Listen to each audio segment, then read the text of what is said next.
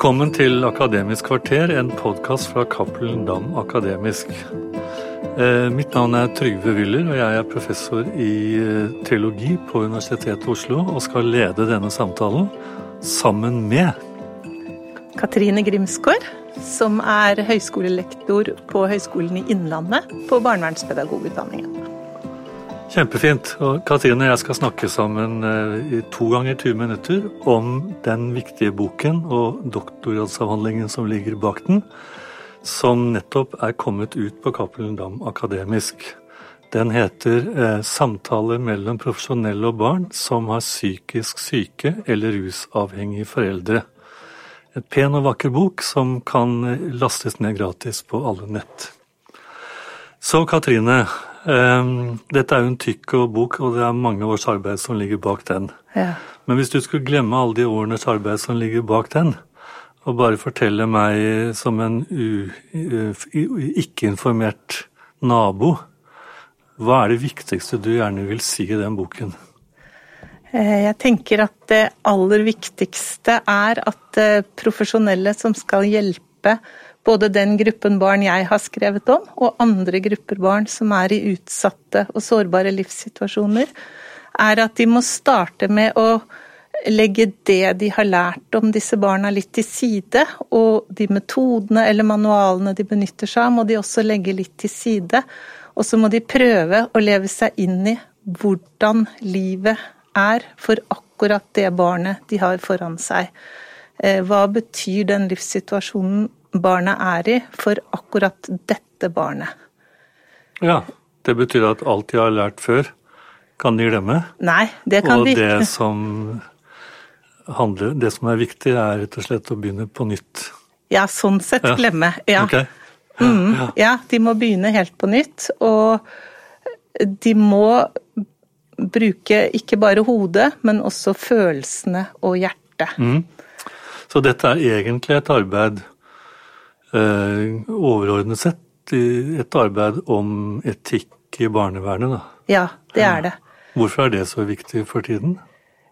Eh, det er veldig viktig i en tid hvor vi er veldig opptatt av vitenskapelig og faglig kunnskap, av manualer, eh, opplæringsmetoder og sånne ting. Så er det viktig å ikke glemme at samtalene også har en annen dimensjon, og det er den etiske. Ja, så det er etikken i barnevernet som kanskje er grunninteressen her, da. Ja, og det er en etikk som vi, vi, har jo flere typer etikk også. Mm. Eh, og dette er ikke en etikk som er basert på regler eller prinsipper som er formulert forut for møtet med barna. fordi mm.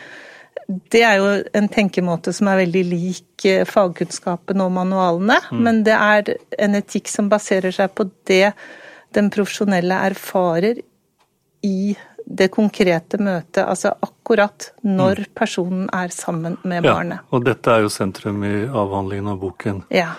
Og vi kommer tilbake til dette spørsmålet om forholdet mellom erfaringsbasert og prinsippbasert holdning mm. Eh, litt senere mm. i denne samtalen. Men da tenker jeg det er på tide at du liksom sier litt om denne boken. Altså det er jo mange års arbeid som ligger bak det. Du har forsket etter det i mange år om dette. Så kunne du altså ikke, så, ikke alle detaljene i alle disse årene, men litt grann om selve arbeidet og utviklingen og hvordan det ble til. Ja. Og etter hvert var liksom hovedinnholdet i boken. Men hva slags bok er dette? Det er en bok som beskriver eh, konkrete samhandlingssituasjoner mellom barn som deltar i samtalegrupper, mm. og de profesjonelle som leder dem. Som du har fått lov til å være observatør i, ikke sant? Jo, jeg var til stede i syv forskjellige samtalegrupper ja. over en periode på ca. to år. Mm. Og da var jeg med på alle gruppesamlingene i mm. de fleste av gruppene. Mm. Uh, og jeg, jeg, satt ikke på en stol i hjørnet og observerte. Jeg salmer var, fra kjøkken? Nei, det var ikke salmer fra kjøkken, dette her. Jeg var uh, i rommet uh, i aktivitetene sammen ja. med de profesjonelle og barna. Ja. Så jeg satt sammen med dem og spiste. Jeg deltok i en del forskjellige leker og aktiviteter. Mm. Ja. Eh, og når jeg var ferdig med det, så gikk jeg, eller da når gruppesamlingene var slutt, så gikk jeg ut i bilen og satte meg ned, og så skrev jeg ned alt jeg husket fra gruppesamlingene ja. som stikkord, i form av stikkord. Ja. Eh, og disse har jeg senere jobbet videre med, så det har blitt sammenhengende tekster som jeg så har analysert som fortellinger. Ja. Men bare for å bli værende litt til selve det som mhm. skjer, mm -hmm. altså disse syv fortellingene, eller syv eh, møtene dine, mm. um, de baserer seg vel da, hvis jeg forstår det riktig, på etablerte profesjonelle og ja, profesjonelle barnevernsarbeidere forskjellig, med forskjellig kompetansebakgrunn, ja. som har til jobb å samle regelmessig barn av psykisk syke foreldre til en form for samvær slash samtale slash Eh, ja, dialog mm. om ulike ting som, kan være, som de mener er relevant. Ikke sant? Jo, det, er, det heter et uh, psykoedukativt tilbud. Oi, nettopp. Uh, ja, det er et vanskelig ord. Og det betyr at barna Det er den samme gruppen barn som møtes flere uker på rad. Mm. Seks, åtte, ti ganger. Ja. Eh, og hvor det er bestemte temaer knyttet til barnas livssituasjon mm. som disse gruppelederne snakker med dem om. Og i tillegg så gjør de litt hyggelige ting, leker noen leker, spiser god mat, ja, og sånne ja. ting. Ja. Og, og til, å, til, å, gjennomføre hver eneste samling, så kommer gruppelederne med det som du nå kaller for en manual ja. De har med seg et ark hvor det står omtrent hva man skal gjøre, hva man skal snakke om. Stemmer det? Ja, det stemmer. Og det var litt forskjellig i gruppene hva mm. slags manual de brukte. Men mm. det var en beskrivelse av hva som skulle være mm. innholdet i hver gruppesamling. Ja. Og det var en beskrivelse av mm. hvor lenge de skulle snakke om det, hvor lenge mm. de skulle spise, hvor lenge de skulle leke. Så det var en, en ganske sånn detaljert beskrivelse. Hvem er det som har laget de beskrivelsene? Hvor kommer dette de ned, eller hvor kommer de fra? Eh, det fins en som het Mestringsgrupper, som, eh, det er organisasjonen Voksne for barn som okay. har utgitt. Og så var det en som het Smilgrupper, eh, som det er Nasjonalt kompetansesenter for læring og mestring, ja. som har har utviklet. Så du, du hører på navnene. Mestringsgrupper ja. Ja. Og, smil. og, smil. står for styrke og mestring i livet. Ja. At det, poenget med gruppene er å, at barna skal lære å mestre den, liv, den vanskelige livssituasjonen de er i. Og bli glade og lykkelige. ja, så, sånn at dette disse manualene er et innarbeidet konsept ja. som, som brukes er det, Dette er jo fra et ukjent sted for å holde anonymiteten. Mm. Men er dette nasjonale ting? De brukes ja. over hele landet. Ok, ja. Så det er ganske omfattende. Ja. Vet du, vi, litt om hvor mange barn som er i sånne grupper? Nei, det Nei. vet jeg ikke. Men det er ganske mange? Men det er mange. Ja. Og det er jo fins jo en del kunnskap om hvor mange barn det er som har psykisk syke eller rusavhengige foreldre. Um, og det står det i boka. men det husker jeg. Men det er liksom flere det er, det er, en stor gruppe. Ja, naturligvis er det det. Mm, med ja. såpass mange psykisk syke. Ja. Mange av dem har barn. De fleste i dag, voksne i dag har jo barn. Ja, ikke sant. Mm. Uh, ja, sånn at Det var situasjonen at du fikk tillatelse fra ja. alle mulige forskningsetiske uh, komiteer og alt som skal til for å være med på dette krevende observasjonsstudiet. Mm. Og altså ikke sitte på sånn, sånn eh, stol i kroken, men likevel være en som ikke er en del av gruppen, og samtidig er der og noterer ned. Så ja. det er en ganske krevende situasjon å være forsker og både skulle være utafor og innafor samtidig. Det, ja, det var en veldig rar rolle, ja, fordi, og jeg brukte litt tid på å utforme den rollen. For i mm. starten var jeg liksom veldig opptatt av at jeg ikke skulle si så mye og sånn.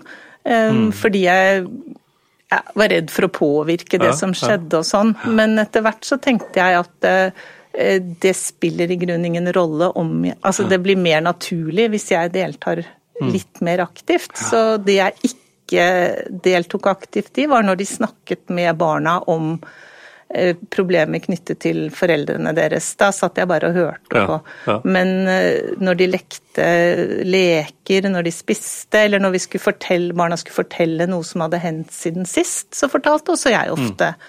noe fra mitt liv. Eh, og det var jo morsomt å se hvordan eh, noen av barna på forskjellige måter viste at de syntes det var gøy at jeg var der, eller eh, Ja, for syns... du var en annen voksen? Ja, og de, de, ville ofte at jeg skulle sitte ved siden av dem, ja, og de tegnet tegninger til meg, og ja, mm. Så det var mye, mye sånt som skjedde også. Ja, for din bakgrunn er jo ganske mangfoldig. Ja. altså sånn faglig? Faglig har jeg en veldig mangfoldig bakgrunn. Kan du bare si litt om, om det? Ja, jeg er eh, i hva skal vi si, i bånn, som det heter, så er jeg veterinær. Eh, og jeg har jobbet mange år i klinisk studiepraksis. Ehm, så ble jeg etter hvert veldig opptatt ikke bare av dyremøtet, men også menneskemøtene. Så jeg utdannet meg også til sosionom. Ja. Eh, og har jobbet i voksenpsykiatri, i et akutteam. Og så har jeg en mastergrad i profesjonsetikk fra Teologisk fakultet. Eh, og så, tatt, så, begynte jeg å jobbe på Høgskolen i Innlandet som stipendiat. Eh, og etter hvert på barnevernpedagogutdanninga. Ja, og nå mm. driver du og lærer bort alt det du har lært deg selv. Prøver det. Og lager enda bedre barnevernsarbeidere. Ja, det er målet, da. ja, så jeg tenker, Nå har vi jo fått litt om bakgrunnen både for det du har skrevet, og litt sånn veldig kort din egen bakgrunn. Men for, for, de som ikke nå har lest boken, kunne du, kunne du, gitt en kort fremstilling av en av de viktigste fortellingene som du liksom har laget etter å ha sittet eh, som deltakende observatør, nesten, da? Ja. I en av disse. Hvilken fortelling vil du trekke fram som på en måte illustrerer eh, det som eh, er tema for denne boken? Jeg ville valgt den fortellingen som heter 'Jeg ville blitt inne og trøstet mamma' Nei, jeg ville skal vi se Jeg ville blitt inne og trøstet mamma til ja, det var hun var trøstet, frisk. Ja. Jeg ville blitt inne og trøstet mamma til ja. hun var frisk. Ja. Hva handler det om? Den, handler, den illustrerer egentlig veldig godt den fortellingen, det som vi snakket om innledningsvis. Det med at eh, de profesjonelle må legge det faglige litt til side. Mm. For den handler om en aktivitet der barna blir bedt om å gi respons på et eksempel eksempel. Og eksempelet dreier seg om at, eh, at de er på vei ut for å leke, og så ser de at moren ligger i senga og er lei seg og gråter. Og så spør gruppelederne barna hva ville du gjort? Ja, For dette er manualen? Dette er en, en, ja. Eh, en, et ja. eksempel de har hentet fra manualen, ja. Mm. Eh, og, så, og barna de har mange forskjellige forslag til ting de ville gjort. De ville vært inne og trøstet moren, de ville ringt og fortalt faren hvordan hun hadde det. En ville ringt en psykolog. og de, de har forskjellige sånne ting, men ingen av dem sier at de bare ville gått ut og lekt. Eh, og så etter hvert den responsen gruppelederne gir på det barna forteller, hvor de sier til dem at barna må huske på at eh, det ikke er deres ansvar å gjøre foreldrene friske. Så, så skjønner man liksom at det barna skulle ha svart, var at de skulle gått ut og lekt. Ja, at det var det forventede Det var det svaret. riktige svaret, på en måte. Det som gir flest poeng man har. Ja. ja. Vet du det? Um, eller? Det er min tolkning, ja, ja, ja. men eh, jeg snakket med gruppelederne etterpå om den leken. For de gjentar dette svaret til barna mange ganger, at de må huske på at det ikke er deres ansvar å gjøre foreldrene friske. Og så spør den ene gruppelederen den andre hva ville du gjort, og så sier den gruppelederen jeg ville gått ut og lekt. Oh, så det, sånn sett så Og latt mamma ligge der. Ja eh, og så snakket jeg med gruppelederne om dette etterpå, og da sa de det at um, at de visste at barn som har psykisk syke foreldre, tenker altfor mye på foreldrene og altfor lite på ja. seg selv. Og at barna trengte å, å, bli bevisst den type følelser de der hadde. Mm. Så det er fortellingen? Det er fortellingen, men ja. det som er veldig tankevekkende med den, det mm. er at jeg spurte barna etterpå. Mm. Jeg spurte ikke hvordan det hadde vært å delta i den aktiviteten, for mm. det syns jeg ikke det går an å spørre om. Men jeg spurte om de kunne fortelle meg om aktiviteten. Og da beskrev de det som hadde skjedd. Og så spurte jeg om de trodde det hadde vært en viktig aktivitet, og det sa de at det hadde. Og så okay. spurte jeg hvorfor. Fordi vi har lært én ting, sa de, og det er at det fins noen følelser som er gode, og noen følelser som er dårlige. Mm. Og de dårlige følelsene bør vi kvitte oss med. Ja. Ellers kan vi selv bli psykisk syke.